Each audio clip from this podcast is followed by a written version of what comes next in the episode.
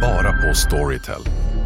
En natt i maj 1973 blir en kvinna brutalt mördad på en mörk gångväg. Lyssna på första delen i min nya ljudserie. Hennes sista steg av mig, Denise Rubberg. Inspirerad av verkliga händelser. Bara på Storytel. Demideck presenterar Fasadcharader.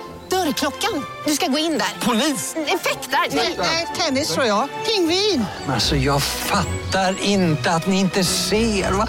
Nymålat. Men det var många år sedan vi målade. Demideckare målar gärna, men inte så ofta.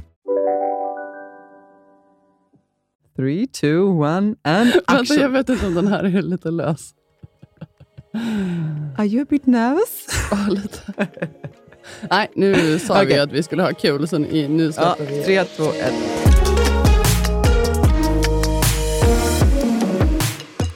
Tja syrran! Hej! Hur är läget? Det är bra. Hur mår du? Ja, men jag mår bra. Jag är lite trött idag. Jag hade en sån här klassisk natt med lite för få timmars sömn. Jag satt uppe och jobbade ganska sent och sen så, det blir som alltid så. Eh, och då är min son ofta vaken på nätterna och håller mig uppe. Men för några år sedan hade jag tyckt att den här dagen var väldigt tung, men nu försöker jag se det som att jag fick i alla fall fyra, fem timmars sömn. Tänk om jag bara haft en. Jag tänkte precis säga det. Jag, jag älskar att du alltid fokuserar på att du faktiskt fick sova, Ja, istället för att du inte fick sova. Exakt. Det här är en bra vecka för mig, för jag låg ju i eh, karantän förra veckan. Mm. Eh, med corona. Ja, eh, det var... Alltså en ganska, det, det var en ganska bra vecka ändå. Alltså det är jätteskönt att vara, vara ute i friheten igen, eller vad säga. men det, Bli utsläppt. det var också väldigt skönt att få egen tid Ja. på det sättet. ja. Men du hade en ganska mild eh, sjukdom, eller? Ja, precis. Alltså jag var mest att jag hade lite ont i huvudet och kände mig trött, men i övrigt så mådde jag ju faktiskt bra, vilket Ja. var skönt. Ja, skönt. Men jag... ehm, Vad kollar du för serie då? Ja, men det var ju det som var det lite så här roliga med den situationen också. Att jag, jag hade så här frågat runt, kollat upp massa bra serier Ja. som jag skulle så här, liksom mata Ja, under veckan. Ja. Jag hade så här förberett med te och duntäcke i soffan. Sen skulle Åh, jag faktiskt mysigt. bara flytta en lampa som jag tyckte stod lite nära tvn. Aha. Så då flyttade jag den och sen så viker sig benen på lampan och ramlar liksom rakt in i tv-skärmen. Nej. Eh, Och Jag märkte inte det först, eh, men det var först när jag skulle sätta på serierna som jag bara såg att hela skärmen var trasig. Alltså Det var en stor spricka i skärmen och halva... Nej men alltså det var, det var ju så här... Va, alltså, Vad försökte här livet ens? säga dig där? vad försökte livet säga mig? För att jag kände här, jag tittar inte så jättemycket på TV, men just den veckan kände jag så här, nu ska nej, jag kolla. nu ska jag kolla ikapp lite Ja. serier. Men så det var ju bara att, alltså, det gick ju inte att titta på TV. Nej, fy vad segt. Så att jag fick ju så här, först var jag ja, men lite smått frustrerad för jag tänkte att det här kommer att bli en lång vecka. Men eh, sen försökte jag ändå tänka på så okej, men då har jag ju jättemycket tid att så här, läsa böcker, jag Ja. lyssnade mycket på poddar, jag, Ja, du skickade lite intressanta grejer till mig också i veckan. Med, det var med Eckart Tolle bland annat, eller hur? Jo men precis, alltså mycket så här poddar om att vara i nuet Ja. och vara närvarande. Så att jag, ja, det blev ju inte liksom det här maratonserietittandet som jag hade planerat, utan det blev full on, bara så här gå in i mig själv och det var jättehärligt. Så att jag kände ändå så här, Gud vad skönt! och faktiskt det var nog ändå lite meningen att den veckan skulle bli så. Ja.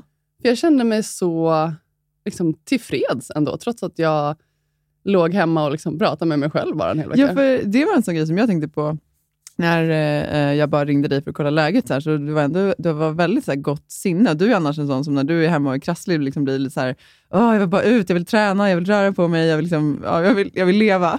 Ehm, men så var det inte alls. Jag upplevde att du var väldigt så harmonisk. Men det kanske var tack vare Eckart Tolle och alla de andra. Ja, men alltså, det var nog tack vare att tvn gick sönder Ja. alltså, som jag verkligen eh, ja, men fick en, en chans att stanna upp. Så jag tycker det är jättefint. Och jag var så här, ja, men som du säger, alltså, jag var ju absolut inte frustrerad över att jag liksom var tvungen att ligga hemma, att jag inte kunde träna, vilket Nej. jag normalt sett blir. ja. Det Så det var, ja, så jag så här, när, när folk frågar, men gud, vad jobbigt det måste ha varit att ligga hemma själv. Men alltså nej, det var amazing. Alltså, jag skulle ju inte säga att om någon hade beskrivit mig att jag skulle ligga hemma själv en vecka, att jag hade tyckt det känns som någonting jobbigt. För det där låter faktiskt som typ raka motsatsen till min föregående vecka. Vi är ju i slutskedet nu med huset eh, och har ju hållit på liksom, ja, men dagarna i ända att eh, ja, men, liksom, få till de sista grejerna. Vi har haft slutbesiktning. Vi väntar fortfarande på att se om den blir godkänd. Ja, så det har varit jättemycket jobb med det där. Och sen så eh, har jag, så här, du vet ju det själv, jag planerar gärna in liksom, alltså, För så, mycket. Ja, exakt. Alltså det ska, liksom, finns det en lucka i, i kalendern, då, då fyller man den med någonting. Ehm, så att jag tycker bara det där lät ju liksom bara helt underbart. Ja, nej men eh, jag inser ju det också, vilken lyx det är att ha tid helt Ja. för sig själv. Alltså vakna på morgonen. Det är helt tyst. Alltså man kan göra vad man vill. Ja. Det är verkligen så här, nej, det är, det är en lyx, men det är också så här, jag vet ju inte så mycket annat. Alltså jag har ju inte barn själv. Så att jag menar, jag vet ju inte hur det är att inte ha massa egen tid Nej. egentligen. Nej, och det är, ju- det är ju bra. Åt båda hållen, att man accepterar ju sin, sin, liksom, sin egen situation. Men du, har du kollat på OS då? Men lite faktiskt. Alltså jag kan inte säga att jag har liksom följt någonting så, men, men mer att jag... Ja, jag har ju inte haft någon TV. Nej, nej, okej, Så att, just det, såklart. Ja, du. Nej, jag har faktiskt inte heller kollat så mycket. Men däremot så, jag måste bara berätta det för det var så sjukt gulligt. Ehm, jag stod och lagade mat häromdagen och så var tvn bara på i bakgrunden. Ehm, och du vet ju att min yngsta son Jack, eh, han är ju alltså han är ganska vild av sig.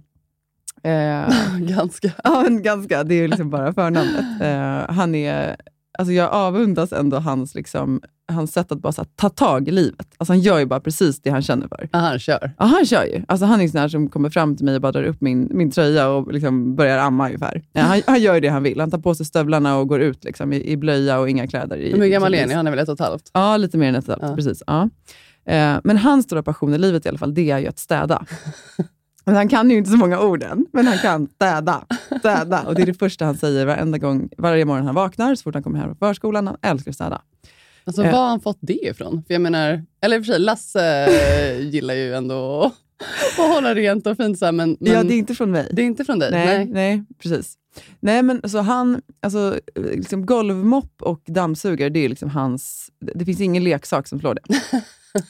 och så var det så kul då, så stod tvn på eh, i bakgrunden och sen så helt plötsligt så hör jag bara så hur han är så extremt exalterad. Eh, och så hör jag att han liksom står och skriker så här, där! Mamma, där! Där! Ja, och så, så kommer jag och liksom kikar då på vad han håller på med. Då står han uppe i soffan och hoppar och står och alltså, skriker och tittar på curling.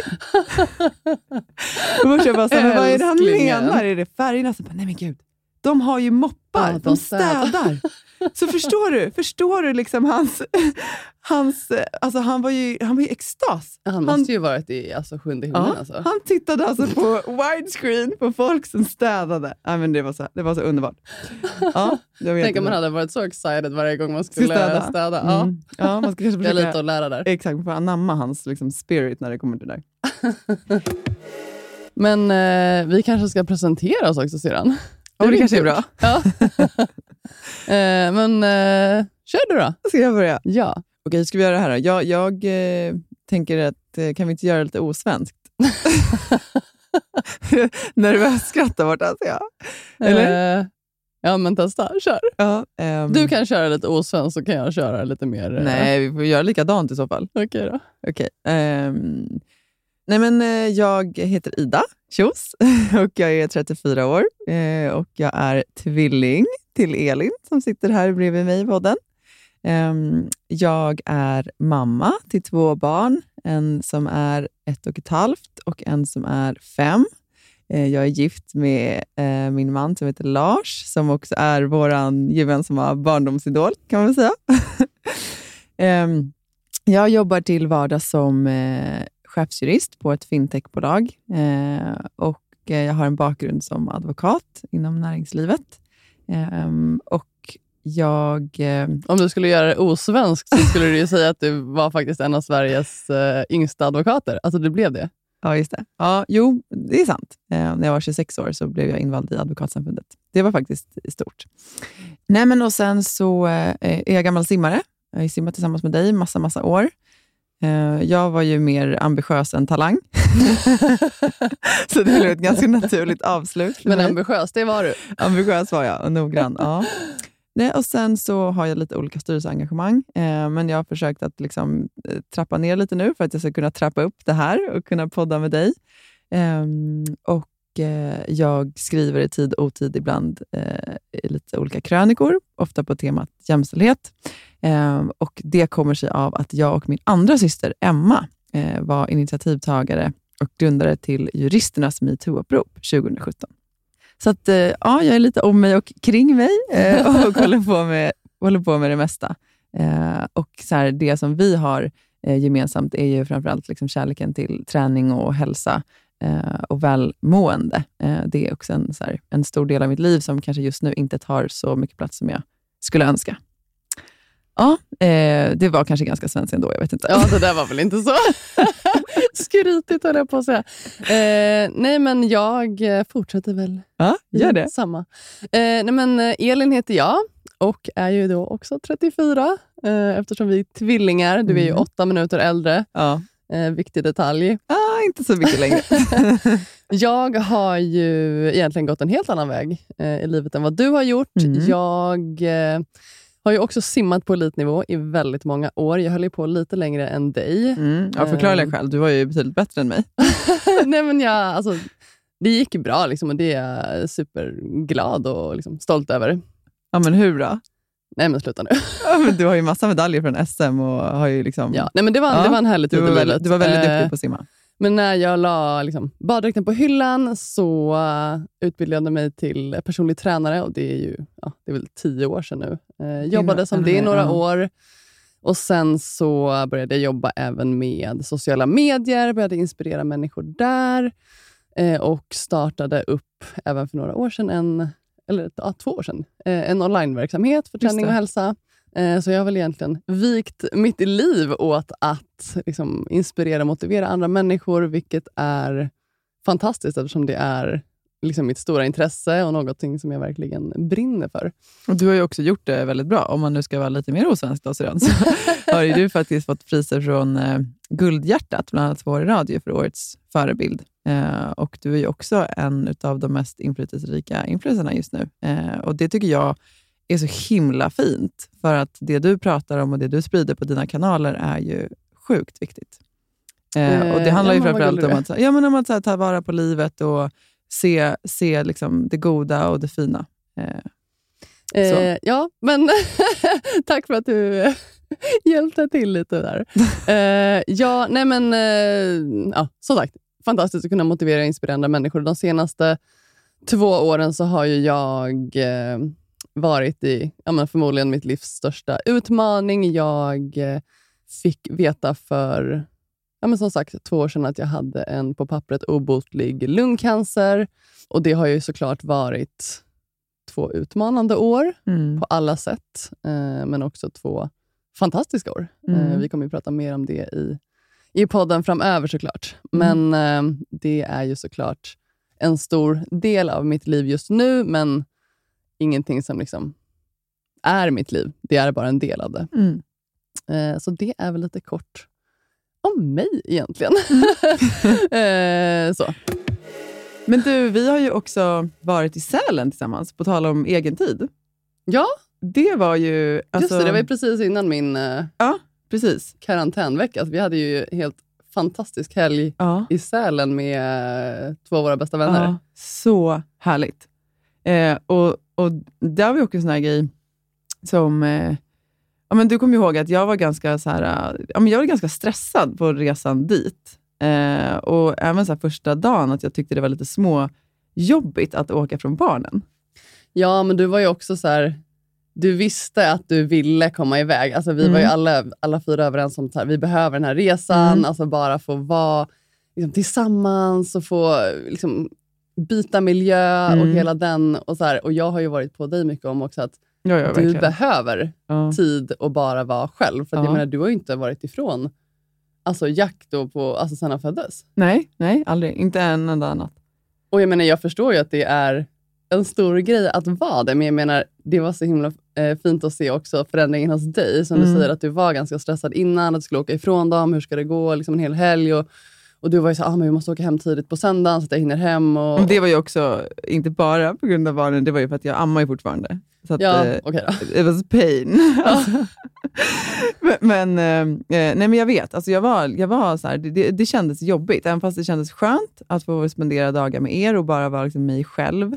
Ehm, och kanske så här, ta mig mammarollen för några dagar. Ehm, så, så var det ändå men det var lite jobbigt att behöva lämna barnen. Jag är så här, jag älskar ju att vara med mina barn. Mm. Eh, och Det är inte samma sak som att jag tycker att varenda sekund är fantastisk och njutbar. Jag älskar också att vara med dem. ja, jag vet. Och det är underbart, eller hur? Ja, men verkligen. Men, men det var så himla också bra för dig att känna att okej, du är mamma, men du måste inte vara med dem varje sekund. Att du verkligen, det var så härligt att få umgås med dig när du bara var Ida. Men jag alltså, Ja, att vi bara hängde utan att det liksom var någon som skulle... plocka upp uppmärksamheten. Ja, men precis. Ja, nej, men jag vet. Eh, utan att du skulle fixa någonting eller eh, liksom göra någonting. Trösta någon, klä Trösta någon. Nej, men precis. Ja. Att man kunde så här hänga utan att bli störd. Det var Ja. lite som så här, back in the days. Och det var ju länge sedan. Nej, det, var, också så här, det var helt underbart. Och Jag kände ju nästan så här att jag gjorde någonting olagligt. Alltså, ja, nej, det var en jättehärlig resa. Jag tycker också det som var så mysigt var att eh, det var liksom en annan typ av resa än den man kanske hade gjort för fyra, fem år sedan. Mm. Eh, jag, jag, jag tyckte det var också så härligt när vi vaknade där första dagen. Så eh, liksom ni, ni tre gick upp och gjorde yoga och meditation eh, och satte på så lugn musik.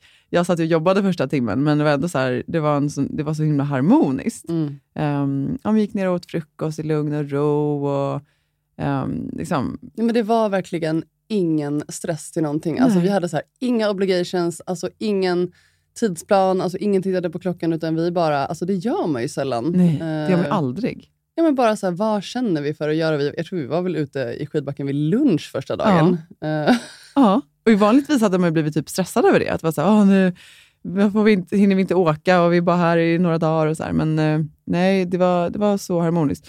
Och Det var också ganska så här, kravfritt. Jag försökte tänka på det. Liksom, var det någon av oss som ens liksom, typ, sminkade oss på en hel helg? Nej, Nej. det var ju ingen som gjorde. Um, så det var också så här, vi gick, jag för mig att vi typ gick i mjukisar till liksom, frukost och även... Efter ski, jag kommer ihåg, satt, med, satt väl med bubbel ja. i typ pyjamas och underställ. Alltså det är bara så himla härligt. För att, Fast redan kan man säga att vi var på afterski. Nej, men det kan man väl ändå säga. Kan man verkligen säga det? Det tror jag inte att man kan säga. Afterski det är ju liksom när det är röj och folk sjunger och det är liksom är fest. Vi satt i en foyer med en, liksom, en öppen eld med en trubadur. Och eh, vi gick sen och la oss, eh, när gick vi la oss? Typ halv nio? Ja. Så att jag tror att... Det, det, det är väl så mycket party som det blir för oss. alltså just nu, jag tänker så här. Men det var perfekt för mig, jag behövde inget mer. Nej. Alltså så här, ett glas bubbel, vi var och tränade, vi gick på spa. Vi fick lyssna på den här trubaduren som hade någon väldigt avancerad teknisk lösning för att spela in sig själv, så att man var, blev alldeles svettig bara av att titta på honom. Och sen så gick vi upp, eh, vi typ kollade lite klipp på Adele på YouTube och sen så var det bara godnatt. Alltså, Ja. nej, så mysigt. Så mysigt. Nej, och det just det där som du sa också, att vi var så himla obrydda. Alltså man tänkte ju inte, alltså vi kollade ju oss knappt i spegeln på, alltså, alltså på dagarna. Nej. Det var ju så skönt. Alltså jag bara kommer ihåg när man var så här i fjällen när man var yngre. Alltså jag var så här, håret skulle ligga perfekt utanför hjälmen. Alltså det var så här, man gick in och kollade på lunchen. Så här, Gud, hur ser jag ut efter att jag åkt Gjorde halva du det dagen? riktigt? Och sen så såg man ju inte så här, alltså man såg ju ut som man gjorde när man åkte skidor och snoret rann. Liksom. Men Jag tycker alltid man ser så frisk ut när man åker skidor. För man får ju liksom så här rosiga kinder och liksom, man ser ju levande ut. ja, det gör man verkligen. Men det var det som var så himla skönt också nu, att man så här, alltså man kan ju inte bry sig mindre. Nej, verkligen. Jag kom på en grej som jag faktiskt eh, inte har berättat för dig, men den är ju ganska så uppenbar. Ehm, du har ju sett det, men jag har ju faktiskt klippt mig. Ja, jag såg faktiskt, vi har inte hunnit eh, prata om det, men. Coolt. You like? Ja, verkligen. Skulle inte du spara ut håret nu? Jo, jag skulle faktiskt spara ut det. I- det var min plan. Så jag, däremot så har jag sagt att så här, jag vill spara ut det med någon typ av värdighet. Eh, Du menar du vill ändå se någorlunda okej Ja, ut under exakt. tiden? Ja, för det som händer när man... men Så här, det var ju i... Jag tror, visst var det i maj vi rakade av oss håret? Ja, Så- alltså det är helt sjukt hur snabbt det växer. Ja, det var det då, tio månader snart. Ja. Mm. Ehm, och när man, om man, när man bara låter det växa från det att man har rakat av det, då blir det ju att det växer liksom, ja, men här bak. Eh, blir det ju liksom långt, fort. Ja, man behöver ju gå igenom en del faser i Ja, hårfaser no som inte är så härliga. awkward. Väldigt många awkward Ja. faser. Ja. Ehm, men det blir också att om man bara låter det växa, då blir det ju en hockeyfrilla. Ja. Alltså, det blir, alltså, ja. Och jag så virvlar där bak, så då blir det att liksom, hockeyfrillan står, den står liksom lite utåt sidorna också. Så det blir liksom som en potta fast lite hockeyfrilla-style. Ja, Ja. ja. Så det, det jag hade tänkt då, det var att jag bara skulle liksom ta bort den där äh, pott, de där potttesarna. så nu, så här, nu har jag liksom rakat, det kallas för så undercut, har jag lärt mig. Så då har jag liksom rakat un, alltså över öronen kan man säga, men under det här lite längre håret. Eh, och sen är det liksom, ja, väldigt eh, kort där bak nu. Men det känns jättenice. Mm, det, kän- nej, men det är jättesnyggt. Ja, Eh, och varför ska du inte testa lite olika frisyrer vet. egentligen? Det är det som är så himla så här, alltså som vi har pratat mycket om också, att det är inte så stor grej. Nej, Alltså, det är faktiskt inte alltså sen vi rakade av håret så har jag bara känt så här, alltså jag kan typ ha vilken frisyr som helst. Ja. Det känns inte... Alltså så jag vet att jag inte ser på mig själv på något annat sätt bara för att jag har snaggat på sidan eller inget Nej. hår eller lite längre i luggen.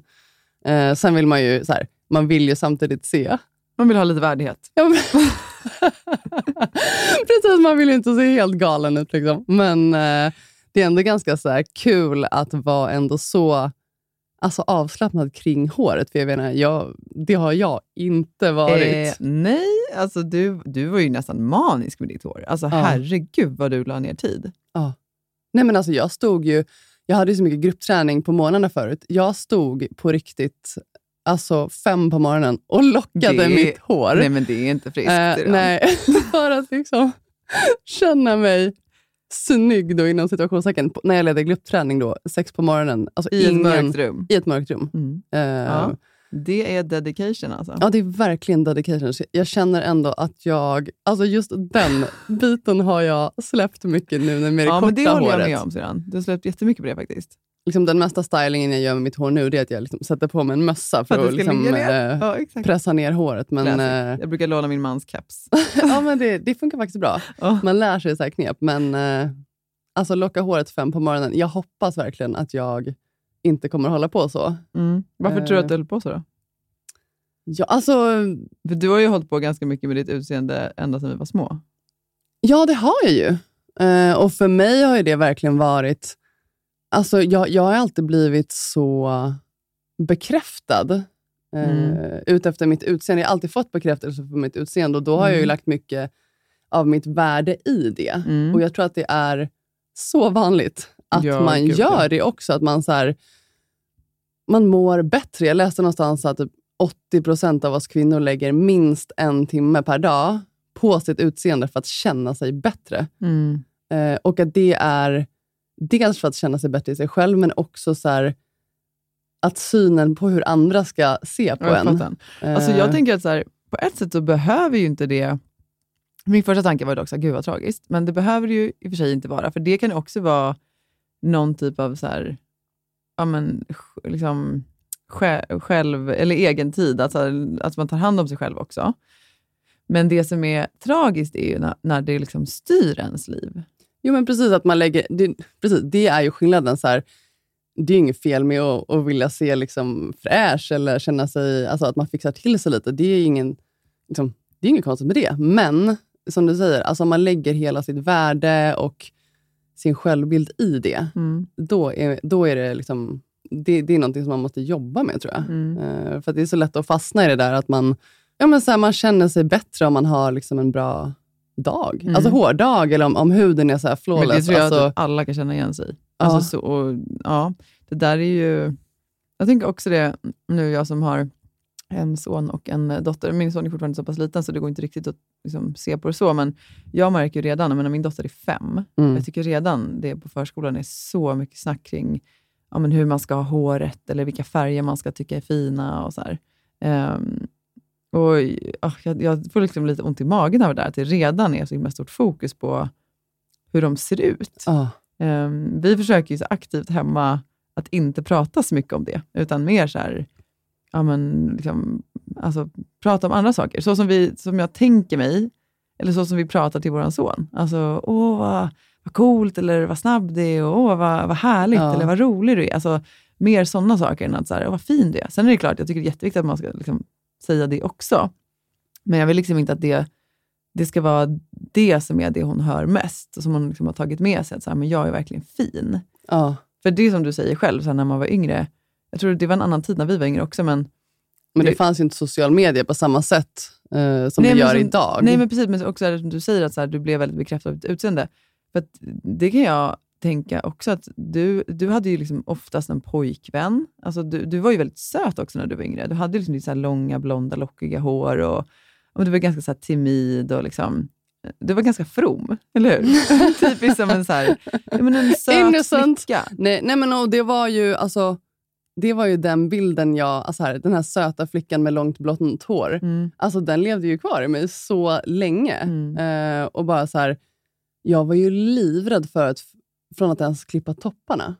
Ja, Alltså, det kommer jag ihåg. Jag, jag, liksom, jag, jag var ju till min frisör, så det var absolut, alltså, på sin höjd, alltså någon centimeter. Du kunde ju alltså, vara typ helt förstörd om du kom hem därifrån, så hade de tagit kanske två centimeter. ja, nej, men jag, och jag kände mig ju inte lika snygg. Nej. om jag hade klippt håret. Ja, men det, är, det är så sjukt också hur det hur så här djupt rotat Ja, det sitter verkligen. i en. Och det är ändå någonting som, så här, vi pratat mycket om det, alltså framförallt det senaste året, när vi båda rakade av håret också, att det är verkligen Det är befriande på ett sätt. det är befriande. För att alltså, herregud vad mycket så energi och egenvärde man lägger i sitt utseende. Alltså, jag känner ju inte riktigt igen mig i det från så uppväxten, för att, alltså, I was not a pretty child. men syrran, det var det ju. Nej, men alltså, inte, ja, men alltså, du vet vad jag menar. jo, jag vet alltså, vad du här, menar. Jag, jag, jag brydde mig inte så mycket om hur jag såg ut i förhållande till hur andra uppfattade mig. Nej, Sen la jag inte. jättemycket tid vid så här, alltså, hur jag... ja, Men vad ska man säga då? Jag Ja, hade du hade ju en riktig crazy stil. Ja, men alltså. precis. Alltså, Ja. jag, men jag, jag, denna vecka är vi sponsrade av Hello Fresh. Hello Fresh. Nej, Men vi har ju en jätteklurig kod till er idag, eller hur? Ja, alltså den är ju den är superbra, men den är lite svår att säga. Det är Ja. bara det. Säg den. Vi säger den flera gånger. Flash, sys. Hur stavar man det då? Då, då har vi eh, Flash först. F-L-A-S-H S-Y-S. Flash, sys. Bra, nu kommer ni ihåg det. Ni kommer inte glömma det. Och vad gör ju egentligen den här koden för er då?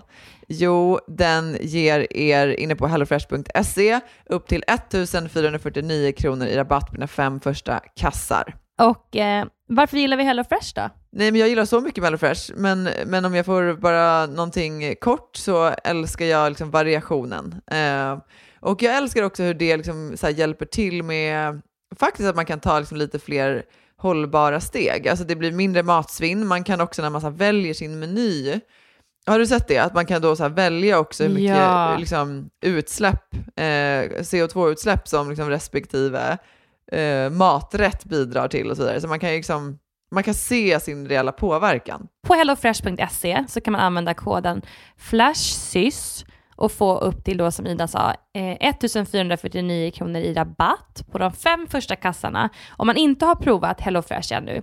Eh, och man får också fri frakt på den första matkassen. Eh, nice. Men alltså du kan också använda koden om man har varit kund tidigare men har avslutat abonnemangen för över 12 månader sedan eller längre. Eh, så kan man bli kund igen helt enkelt. Ja, det kan man verkligen bli. Och eh, hörni, det här eh, fina erbjudandet gäller till den 27 maj, så det är under en begränsad tid, så passa på. Tusen tack HelloFresh! Tack! Jag upplevde att så här, det handlade mer om att här, jag tyckte om att uttrycka mig och att jag var väldigt kreativ. Mm. Eh, liksom jag gick gärna i så här mormors gamla liksom, lådor och hittade något jättecoolt som jag då tyckte. Men, men jag upplevde liksom inte att så här, vad andra tyckte, det var inte så himla viktigt, utan det var mer så här, vilken känsla det gav mig. För jag fick ju aldrig riktigt höra att så här, "Ja, men du är så söt, eller, och jag hade ju inga pojkvänner. Det var inte så att folk stod på kö, liksom, utan killarna sprang ut andra hållet när jag kom. Eh, Så där, det har jag faktiskt tänkt på så här, nu i vuxen ålder, när vi, när vi har pratat om de här grejerna, det kan också vara en sån sak som gjorde att, ja, men att jag har varit ganska så här, trygg. För att jag blev inte bekräftad för hur jag såg ut, utan Nej. mer för så här, Nej, men inte vem på jag samma var. sätt. Du blev mer... Nej, ja, men precis. Du blev ju mer bekräftad för vad du gjorde, vad du sa. Eh, Ja, men exakt. men, så här, det Vem blev ju bekräftat på dina prestationer och det är ju också en annan grej. Ja, jo, det är Men en eh, just det med utseende så tror jag absolut att det kan ha gjort att du har varit väldigt, alltså du har varit mer obrydd än vad jag har varit. Ja, men så är det ju. Eh, Sen tycker jag att jag har blivit, alltså det har gått i vågor. Jag kommer ihåg så här, typ när jag var nyexad jurist och så började jobba på advokatbyrå, ja, då kände jag nog att jag var, liksom, då brydde jag mig väldigt mycket. För då kändes det som att det var så viktigt med hela det här paketet. Liksom. Ja, men vad andra... Ja, liksom, precis. Och då blev jag också väldigt bekräftad Ja. eh, liksom, på, av, liksom, vad man säger då, på, av mitt utseende. Ehm, och då blev det liksom helt plötsligt viktigare. Ja. Så att jag fattar verkligen den grejen. Men det är verkligen Men du är här... helt befriad från det idag, eller? det är så. Ja, precis. Utseende. Nej, nej, nej. Alltså, jag är helt obrydd. Alltså, kan Ja. jag inte bry mig för fem Nej, öre. ja. Alltså, Skönt. eh, nej, jag skojar. Nej, men alltså, så, så här, jag har kommit en lång bit på vägen, känner jag, för att jag ändå så här, jag vill komma ifrån det. Och jag menar, en grej som jag verkligen så här, har tänkt mycket på, som jag, det tog ett tag innan jag så ens kunde berätta det för, för dig. Mm. Eh, och som verkligen, så här, nu när jag tänker på det, så blir jag så här, alltså det var, det var lite så wake-up call för mig. Och det var ju när jag hade opererat bort ena lungan för två år sedan. Mm. Eh, och det var ju, alltså den operationen var ju inte att leka med. Nej, Eh, jag kommer ihåg, jag vaknade upp dagen efter och jag hade så, alltså jag hade så fruktansvärt ont. Jag hade en så här tjock slang som Ugh. gick in i sidan, tryckte. Dräneringsslang, eller var det? Ja, men precis. Alltså det var, så här, man, kände sig, man kände sig ganska överkörd liksom, när man vaknar upp efter en operation, så man kände sig inte så här, som det bästa jag Alltså, direkt. jag kan inte relatera till hur det är att bli av med en lunga, men jag kan ju föreställa mig. Ja, Ja. Eh, men då var det i alla fall, så kom det, jag visste att det skulle komma in en läkare då som skulle gå igenom så här, typ hur jag skulle få igång magen efter operationen. Ja, men typ så här, eh, Bajsschema, typ. Ja. Ja. eh, jag vill inte säga det, det lät så hårt. Men eh, precis, det var det ju. Eh, så tänkte jag, absolut, det, det, är liksom, det är väl ingen fara. Och sen så öppnas ju dörren och det kommer liksom in... Nej men alltså det är Clark Kent i läkarrock. Alltså jag bara, Såklart. nej, min första tanke var verkligen så här, nej, alltså, det, här, det här händer inte. Eh, Fast det där händer ju alltid dig, tycker jag. Nej, jag vet, alltså det är så typiskt. Men jag, jag tänker också, i den situationen, så, alltså, då blev jag ändå så här, nej, alltså, kunde inte bara vara liksom en, en gammal gubbe eller vad som helst, men inte, inte den här personen. Eh, nej, men så då började han liksom gå igenom, så här, eh, jaha, men har du liksom varit på toa efter operationen och så här. Eh, Du började kunde liksom väl gå- knappt stå upp? Liksom. Nej, men jag kunde knappt stå. Sen Nej. så fick han så larm så att han eh, var så här, ah, men jag, jag återkommer, så här, jag, jag måste kolla till en annan patient. Mm.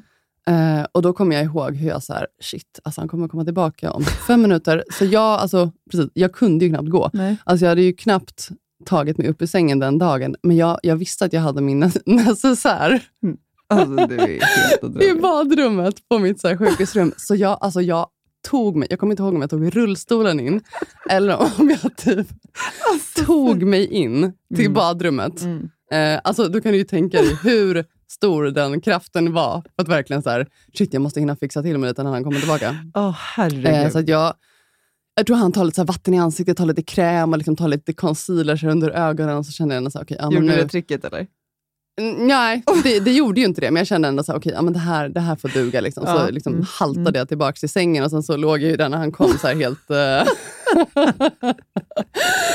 helt oberörd. Åh, Liksom. Eh, och det enda jag kunde tänka, alltså, så här, jag har alltså opererat bort en lunga då. Mm. Eh, och det enda jag låg och tänkte på när han gick igenom det där bajsschemat, det var Alltså jag ser inte ut så här. Alltså jag hoppas att han förstår att jag är inte så här risig i vanliga fall. Alltså så här, jag bara, oh, gud, undrar om han tänker att jag ser, ser jag trött ut nu? Eller så här, är det väl så sjukt? Och, och alltså då, då tänkte jag inte så mycket på det. Nej. Men nu i efterhand, jag bara, alltså det är ju sjukt. Det är så sjukt. Alltså, jag kommer ihåg när du ringde de där dagarna från sjukhuset. För det första så, du kunde ju knappt prata, för att det gjorde ju så ont när du pratade med den där slangen som satt i lungan.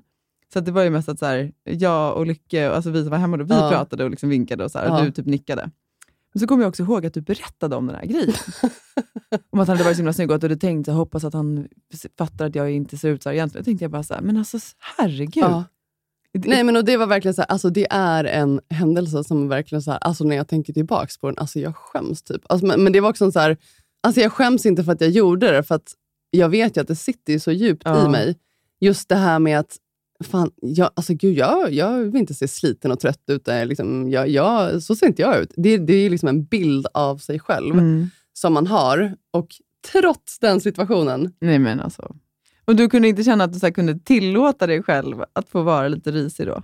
Nej, men jag kunde ju uppenbarligen inte det.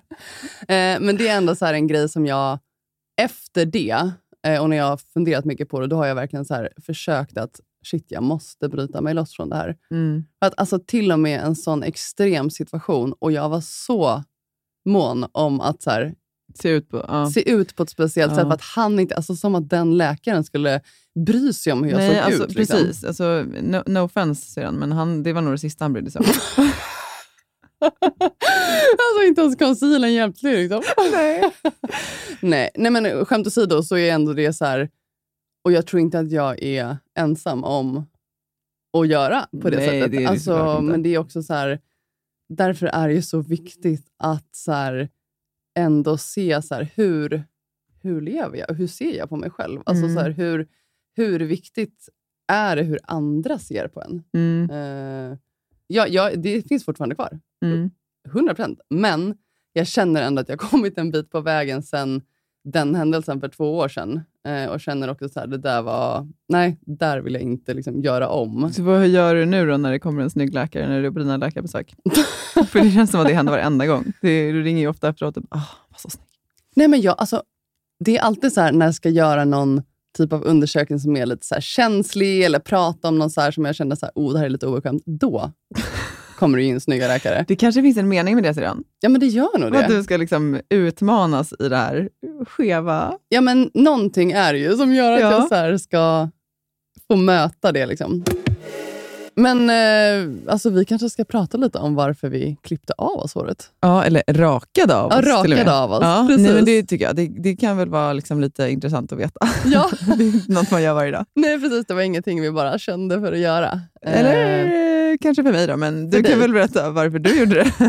nej, men jag hade väl egentligen inget val, eh, kan man säga. Jag eh, skulle gå in i då en ny behandling med cellgifter. Och- Den starkaste som finns egentligen. Ja, men precis. Jag hade liksom fått cellgifter under ett och ett halvt år och skulle liksom testa den sista sorten. Och Då eh, sa de att jag skulle tappa håret, så då Mm. kände jag att jag hellre ville ta kontroll över det och faktiskt raka av med håret själv egentligen, eh, Mm. istället för att känna att det föll av. Så jag rakade av håret för att jag visste att jag ändå skulle tappa det. Mm. Eh, Men Kommer du ihåg hur du kände när du rakade av dig håret? Ja, alltså nej. Egentligen inte. Alltså, jag, jag tänkte väl att det skulle vara en större grej än vad det var Mm. innan, men sen när jag väl gjorde det så var det så himla... Ja, men det var en sån release, för, för det var verkligen så här, det var ju ingen stor grej. Nej.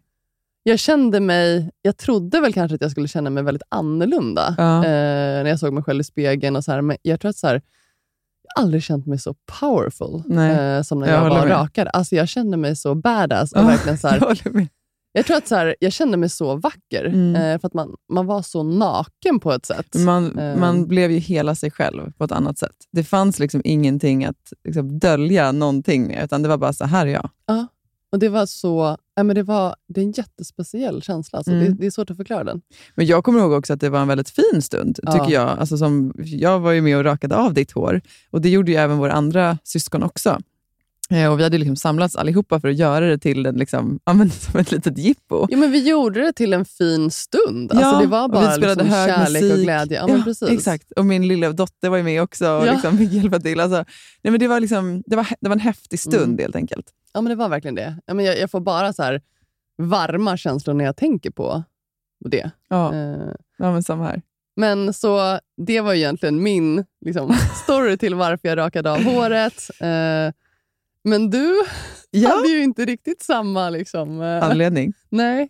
Nej, men jag kommer ihåg när du fick beskedet för liksom två år sedan då, att du hade den här obotliga lungcancern. Då, eh, liksom det, det man vet, eller det, liksom det man känner till om cancer, i alla fall så var det för mig, det var att man kommer tappa håret av behandlingarna. Mm. Så ganska snabbt så började jag så här fixa en eh, Pinterest-mapp där jag sparade liksom sjukt eh, eh, coola tjejer som hade något som kallades då för buzzcut. Gud, det här har inte du berättat Nej, jag vet. och den skapade jag liksom bara typ liksom någon vecka efter att du hade fått beskedet. Och Sen har jag hela tiden haft den där liksom två år, så tittat lite på den och liksom vant mig vid tanken med att så här, om du vill tappa håret, ja, men då, då ska jag nog också raka av med det. Eh, och Sen när du fick veta det här, då, då liksom, eh, då började den här tanken gro i mig igen. Då. Men då till saken hör att jag hade fått mitt andra barn och ni som själva har barn vet att här, om man ammar så tappar man oftast väldigt mycket hår eh, efter att man har fått barn. Så jag hade liksom tappat hår, det hade äntligen börjat växa tillbaka och kände så här, gud nu börjar jag äntligen få mitt Du hår. hade ju väldigt långt Ja, det var hår, jättelångt långt och då. Exakt. Ja. Mm. Eh, så jag, det var inte helt givet. Men sen så började det liksom, liksom, när tanken väl hade satt sig, då var det väldigt svårt att slå bort den. Så Ja. jag kände så här, nej men dels så tror jag också det för mig blev väldigt starkt när jag rakade av ditt hår. För att du, som du beskriver, alltså det här, liksom, den här powern, alltså du, det, var som att, det, var som en aura runt dig. Alltså du var så badass. Eh, och jag kommer bara ihåg liksom, känslan av att så, här, men så där vill jag också känna mig. Eh, och sen själva grejen av att så här, vi har alltid gjort mycket tillsammans, även om vi har valt väldigt olika delar och vägar i livet, så, eh, så kändes det som att så här, det här var någonting som verkligen skulle förena oss. Mm. Eh, så därför så vill jag göra det för att, ja, men, liksom, som en samhörighet, att göra det tillsammans med dig. Eh, så att, ja, dagen efter så fick du raka av mitt hår. Ja, det var fantastiskt. Alltså, det var ändå så här... Nej, men det var ju så fantastiskt att på, mötas på det sättet Ja, också. verkligen. Alltså, bara känslan av att du gjorde det för mig. Mm. Eh, att vi liksom hand i hand genom livet. Ja, verkligen. Eh, nej, men det är väldigt, så här, eh, väldigt fint och kärleksfullt. Ja, jag älskar dig till den. Jag älskar dig. jag, jag känner att sen du blev mamma så har du blivit lite mer så här att du kanske går osminkad, det är mjukisar och så här, som vi pratade om häromdagen också. Att jag tror att fler har blivit så under covid Ja, också. pandemin, absolut. Alltså det kan jag känna bara så på, på jobbet. Alltså, jag skulle aldrig gått osminkad till jobbet tidigare. Eh, men nu när man, när man har jobbat hemifrån, dels så blir det ju så att alltså, helt plötsligt så kommer man ju hem till folks kök Mm. eller vardagsrum. Eller, ja, men så här, jag hade möte igår med, med, en, eh, med en kille som satt liksom inne i barnrummet. Eh, och Då blir det ju på ett sätt så här, det blir väldigt så avdramatiserat och, och man blir mycket mer mänsklig. Mm. Eh, och Jag har jätteofta möten när jag jobbar hemifrån när jag är helt osminkad. Mm. Och Jag känner inte att det, liksom, det spelar ingen roll. Och Det har inte gjort någon skillnad i min prestation eller eh, min energinivå. Eller så här. Och Det, det har jag också, tycker jag har varit nyttigt. Eh, att, att liksom, ja, det är, det är okej. Ja, Man måste precis. inte vara liksom, fixad till, tänd, liksom, till tänderna varenda dag. Nej, och det har jag märkt. Så här, alltså jag tycker jag märker det på, på vänner och bekanta också, att fler börjar bli lite mer relaxed. Så här, shit, man kan gå till mataffären i, i mjukisar. Eh, Jag skulle inte kunna leva ett liv utan att kunna gå till mataffären i mjukisar. Nej, Jag kan inte Nej tänka precis, mig men jag annat. menar bara så här, det, jag, jag tycker att man så här känner den förändringen mycket alltså, hos andra också. Ja, jag Eh. hoppas att det blir mer så. Att det blir liksom mer tillåtande. Ja, men precis. Ja, men mer tillåtande. Och då blir det ju kanske att man så här, förhoppningsvis inte fokuserar enbart på hur man ser ut. Men jag tänker också att där har man ju själv en... Alltså, man, man, man kan göra mycket genom så här, hur vi umgås också när vi, liksom, vi umgås tjejer sinsemellan. Mm. Um, för det är så himla lätt att man snabbt hamnar i så här, åh gud vilken snygg tröja, var har köpt den där väskan? Eller, åh vad, vad fin du är i håret. Alltså, att det på en gång blir att handla om det. Och jag tycker inte att det liksom, att man inte ska få prata om sånt. För jag, tycker, jag kan tycka det är jättekul med, med ja, men du vet ju själv, jag älskar mode och Mm. jag tycker om att sminka mig och sådär. Men, men man kanske inte ska lägga liksom lika mycket fokus på det. Eh, för det är en sån sak om man bara tänker tillbaka till på Sälen. Alltså, vi hade ju så sinnessjukt mycket intressanta diskussioner. Ja. Där vi, alltså för att vi liksom hoppade över det där snacket. Mm. Och det är väl någonting som jag tror egentligen så här, det berikar ju så himla mycket. Om man skulle liksom tillåta sig själv också att släppa lite på det där. Ja. Men jag upplever ju också så här som för egen del att sen jag blev mamma, eh, så dels så finns det ju inte liksom samma tid att spendera i badrummet för sig själv. Nej. Ehm, och sen så känner jag också att här, jag vill ju inte att mina barn ska se mig lägga, inom citationstecken, då, för mycket tid på hur jag ser ut. Ehm, utan liksom, tiden jag har hemma med dem är fortfarande ganska begränsad. Så att, så här, att bara då så här stå och sminka mig eller hålla på att fixa håret, det, nej, det är inte så jag vill att de ska liksom, se att det är det mamma gör hela dagarna. Utan, eh, Men precis, att det faktiskt är okej att vakna med kudden i ansiktet och liksom åka direkt till eh, matbutiken eller vad det nu än är. Att man Ja. måste liksom inte absolut. fixa till sig. För det är också en sån här grej som jag tycker, som, som, eh, att man pratar om, oftast om att så här, man ska göra sig fin. Mm. Och det, det, är liksom, det förstår ju barnen väldigt snabbt också. Men, och det på ett sätt blir lite skevt, för att så här, barnen är ju alltid fina. Mm. Alltså, vi behöver ju inte egentligen göra oss fina för att vi ska vara fina. Vi, är- vi är ju som vi är. Ja. Och det är väl någonting som jag, som jag hoppas, liksom, ja, det, så, hopp, så vill jag att mina barn ska få växa upp. Att de inte ska känna att de måste hela tiden göra sig fina, utan de är fina precis som de är. Ja, precis, de duger som de är. Exakt, utan att då liksom måste jag, jag leva det lite mer också själv. Ja. Eh, utan att jag, men tidigare, du vet ju själv, jag gick ju jämt i stilettklackar och alltså jag var ju extremt fixad. Ja. Ehm, och jag kan tycka det är jättekul att gå i klackar fortfarande, men, men eh, inte så ofta till vardags. Eh, Nej, men nu är det, så här, det är också när man blir äldre, så, så här, bekvämligheten tar ju över lite. Eh, när det är kallt ute så tar jag hellre en varm jacka. Precis, kanske det är det. Vi har blivit äldre, vi orkar inte hålla på och fixa oss lika mycket. Eller här sitter vi och påstår att det är, så här, det är för att vi har blivit upplysta och liksom, ja, kommit till vissa insikter, men det handlar kanske mer om att vi har- vi har blivit äldre och tröttare. Ja. Det kanske är så, men det känns ändå okej. Det känns helt okej. Men jag Alltså, känner ändå så här, det här året, 2022, så känner jag också så att det är någonting som jag, jag vill jobba mer med. Ja. Alltså komma bort från det. Mm. Och det, handl, det handlar ju mycket om att vara närvarande också. Så här, fokusera på ja, men känslan i kroppen eller liksom fokusera på de människorna som man Mm. är med. Alltså, snarare än att så här, ah, shit, ligger håret rätt nu? Eller har Mm. har jag, ser jag svullen ut i ansiktet? Eller, alltså, du vet, Ja, så här, ja. ehm, för när man kommer bort från det, då är det ju jätteskönt. Alltså när Ja, man är helt verkligen. obrydd. Ja, men när man bara är i sig själv. Jo, men precis. Mm. Mm. Ja, men gud, verkligen. Jag var ju på konferens förra veckan. Ja, just det. Ja. Ehm, och vi gjorde en grej som jag tyckte var så sjukt intressant. Alltså, oftast i, i livet generellt, men så på arbetsplatsen eller var man än befinner sig, så fokuserar man ju oftast på vad man inte är bra på. Alltså, ja, det gör man ju alltid. ja, men eller allt. Ja, exakt. Man, Man är så Man sjukt hård mot sig själv. ja, och man har oftast en ganska tydlig bild av så här, okay, men var mina till- tillkortakommanden finns någonstans. Mm. eh, och vad man behöver utvecklas och jobba mer på. Så här. Och Sen så eh, lever man ofta sitt liv då baserat på att man försöker bli bättre inom de här områdena.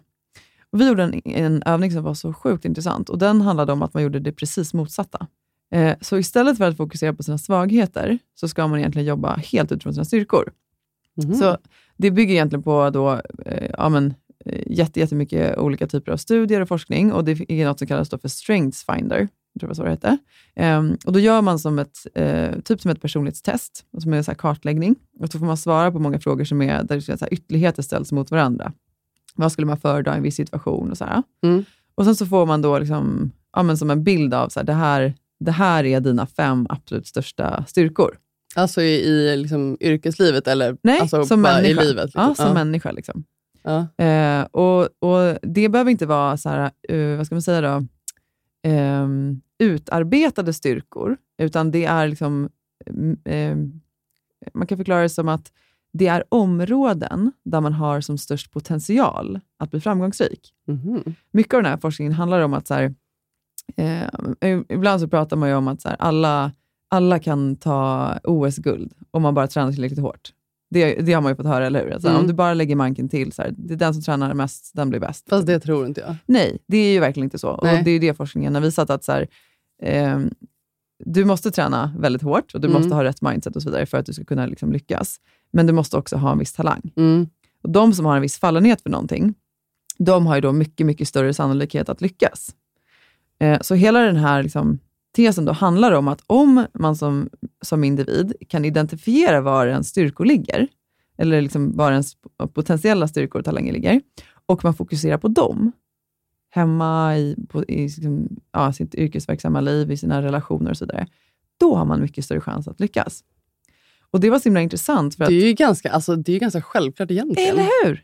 Det borde vara så självklart. Och jag tyckte också det var för, som... Ja, Vad var dina styrkor?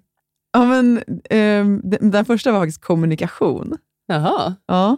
Nej, relation. Ja, Relation, relation. var den Jag bara, första. kommunikation. Ja. Det är ganska Jo, bra. relation var den första och sen var det kommunikation. Ja. Ehm, och relation, det handlade mer om att så här, eh, ja, men, eh, förmågan att så här, knyta relationer eh, och att man tycker att det är en viktig del eh, att eh, knyta relationer med människor för att man ska kunna liksom, nå framgång tillsammans. Och, så. Eh, och också att man gärna vill se det bästa i folk. Och kommunikation, ja, men det är det vi håller på nu. Alltså man sitter och alltså, prata och förmågan att eh, eh, skapa engagemang och så. Eh, och sen var det också ja, men resultat och så var det fokus och ansvarsfull. Alltså, De, de ringer in mig ganska bra, Ja, eller men verkligen. Ja. Nej, men det var så intressant. Så, så, liksom, för egen del, nu har jag blivit mycket mer så reflekterande kring att så här, okay, men vad kan jag göra i mitt liv som lirar mycket bättre med mina egna talanger? Istället för att fokusera på så här, ja, men det finns ju så admin-grejer som jag inte tycker är så kul, både på jobbet och hemma i livet, alltså så här, i, i vardagen. Ja, men, kan jag tweaka dem då? Och ta, plocka fram liksom, något annat? Kan jag kommunicera på ett bättre sätt kring Mm. dem? Eller, men på- Okej, så du ja. tänker så här, om du använder dina styrkor, det som du är bra på, för att liksom stärka dina svaga länkar? Eller? Exakt. tänker du så? För att, jag, Exakt. för att annars blir det så här att man, alltså man vet ju vad man är mindre bra på. Ja, Eh, och Det är oftast det man fokuserar på, att man är så här, shit, jag borde bli bättre på det här. Och, exakt. Men, så lägger man tid på det istället. ja, precis, man lägger tid och energi på det, att vara Ja. väldigt självkritisk. Men Exakt. ja, det är ju så, alltså varför Nej, gör man inte omvänt egentligen? För jag menar, det är ju samma sak, så här, man är ju någonstans medveten om också vad man är bra på. Exakt. Och det är ju det man borde fokusera på. Ja. Och Jag blev bara så här, du vet när jag åkte från den här konferensen, dels så kände jag bara så här, gentemot eh, liksom, ja, men min VD som inte hade kommit på det här, jag, jag blev bara så här in ave. Alltså, Ja. Jag tycker det är en sån fin grej, att man Ja. samlas en grupp människor och det finns ju alltid utmaningar var man än befinner sig. Så här, som man istället hade kunnat då sitta ner och så här, grotta, hur ska vi ta oss an det här projektet, hur ska vi Ja. göra det här? Nej, utan vi fokuserar på så här, i den här gruppen av personer så har vi de här styrkorna. Och det gör att vi skulle kunna liksom, nå hit. Jag, jag, bara, bara Gud, jag älskar det tankesättet också. Så ska jag faktiskt börja tänka om man är så helt här, underbart. Alltså fokusera på det man vet att man är bra Exakt. på. För det skapar ju inte bara så här... Alltså det skapar ju en så bra känsla i kroppen också. Exakt. Vetskapen om det, men shit, alltså det här är jag riktigt grym Ja. på. För så tänker man ju sällan kanske om sig Nej, själv i, precis. i vardagen. Nej, och jag tänker att det är ju ringa på vattnet. Ja, Eh, och tänk om, så här, om, om vi alla skulle leva på det sättet. ja, Fantastiskt det skulle vara. ja. Ja, Det nej, skulle vara väldigt mycket mer glatt tror jag. Jag tror också det. Precis, för det är en annan grej som, eh, när de har forskat kring de här delarna, så ser man ju att det är så himla många som eh, misstrivs eller, eller vantrivs på sina Mm. arbetsplatser. För att man, liksom, man känner inte att man jobbar med det man, har, liksom, man är bäst på. Och Fast det kanske man gör, fast man fokuserar på det man inte kan. ja, men det är det jag menar. Alltså man, jag menar bara så här, man kanske är, det, det, det, det, det handlar ju om fokus där ju. Jo, precis. Men alltså, jag menar alltså, att du jobbar kanske inom den professionen du har valt, Ja. men du jobbar på ett sätt som inte lirar bäst med Nej, dina... just det. Där du inte exempel får om du blomma. sa- Liksom. Nej men exakt. Som, som jag har ju förstått nu att ja, men jag, har, jag trivs till exempel väldigt bra där jag är nu. Ja, då har jag, har jag kunnat göra en reflektion kring att okej, men det är ju för att jag har fått göra mycket av de här delarna. Mm. Jag får kommunicera mycket, jag får bygga relationer, Mm. jag får driva projekt där jag liksom får ta ansvar. Ja, och det är klart. Ja. Det är klart att jag blir engagerad av de sakerna. Men om man då har till exempel en människa som är så här, ja, men, liksom, har jättesvårt för eh, eh, noggrannhet eller konsekvens och så, här. och så, så hamnar man i en position där man måste sitta och göra sånt liksom 50% av sin tid. Mm. Det är klart att man vantrivs på jobbet. ja, verkligen. Så att, ja, nej, den var bara det var så, så, så bra. Ja, men det ska jag faktiskt eh, testa någon gång. Så här, ja, mer fokus på det man är riktigt grym på Ja, exakt. eh, och liksom höja sig själv. Mm. Men det är också så här, just när vi var inne på det här med, ja, med synen på sig själv med utseendet, alltså Ja. att man lägger mycket värdering i det. Alltså, man är ju oftast hård mot sig själv i alla avseenden. Men det är också så här, om man bara hade vaknat på morgonen och bara, alltså shit, vad snygg jag är. Alltså oavsett så här, Eller vad håret bra ser ut. jag är. eh, vad- Ja, men, ja, men precis. Ja. Ja. men jag tänker, om man kopplar tillbaka till utseendet. Ja, Eh, att man också ska så här, se allt det bra. Eh, för allt är ju, alltså, man, är, precis, man är ju lika vacker oavsett hur man ser ut. Liksom. ja. Eh, Nej, men verkligen. Och det sitter ju bara hos en själv. Ja, och det där är väl kanske också en sån här grej att, och det handlar ju om både talanger men om utseende, att så, här, så länge man hela tiden sätter en referensram, alltså det vill säga att man jämför sig mot vad som är en norm eller Mm. hur man borde prestera eller vara, och så här, ja, men då är det klart att man inte blir så lycklig i det. För att alla är ju olika och vi kommer liksom aldrig kunna vara stöpta i precis samma form. Nej, och så är det ju verkligen. Det som ändå är så här, alltså det, det sitter ju alltid hos en själv. Ja, Alltså synen på sig själv i arbetslivet, Mm. eh, liksom vilka kvaliteter man har på utseendet, alltså hur man är. Alltså, det sitter ju bara hos en själv och det är där man måste starta. Ja, alltså, det är ingen annan som kan få dig att liksom, förändra det avseendet. Utan Nej. det måste man ju så här, vilja göra själv. mm. Men eh, att se liksom, vad man är bra på är ju en så bra start. Mm. Mer sånt. Mer sånt. Mysigt att snackas. Ja, men verkligen. Mysigt att hänga Ja, också en liten också stund. det. Det, gör Så vi ju så sällan på det här sättet. I know. Och nu kommer vi få möjlighet att göra det varje vecka. Ja, det, ser, Ja. det skulle bli så kul. Jag är Ja. jättepeppad. Ja, jag med. Eh, och vi hoppas ju såklart att ni vill hänga med oss. Ja, Eh, verkligen. och vi kommer ju prata om allt möjligt. Om livet. Ja, Det som vi brinner för helt enkelt. ja. exakt. Eh, men tack så mycket för idag och du ska väl tillbaka till jobbet nu då? Det ska jag. nu är lunchen slut. Ja, ha det så bra hörni. Puss, puss. Hej då.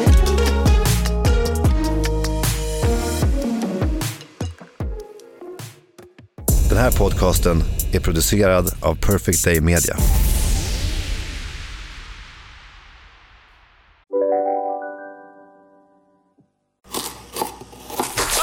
Dåliga vibrationer är att skära av sig tummen i köket.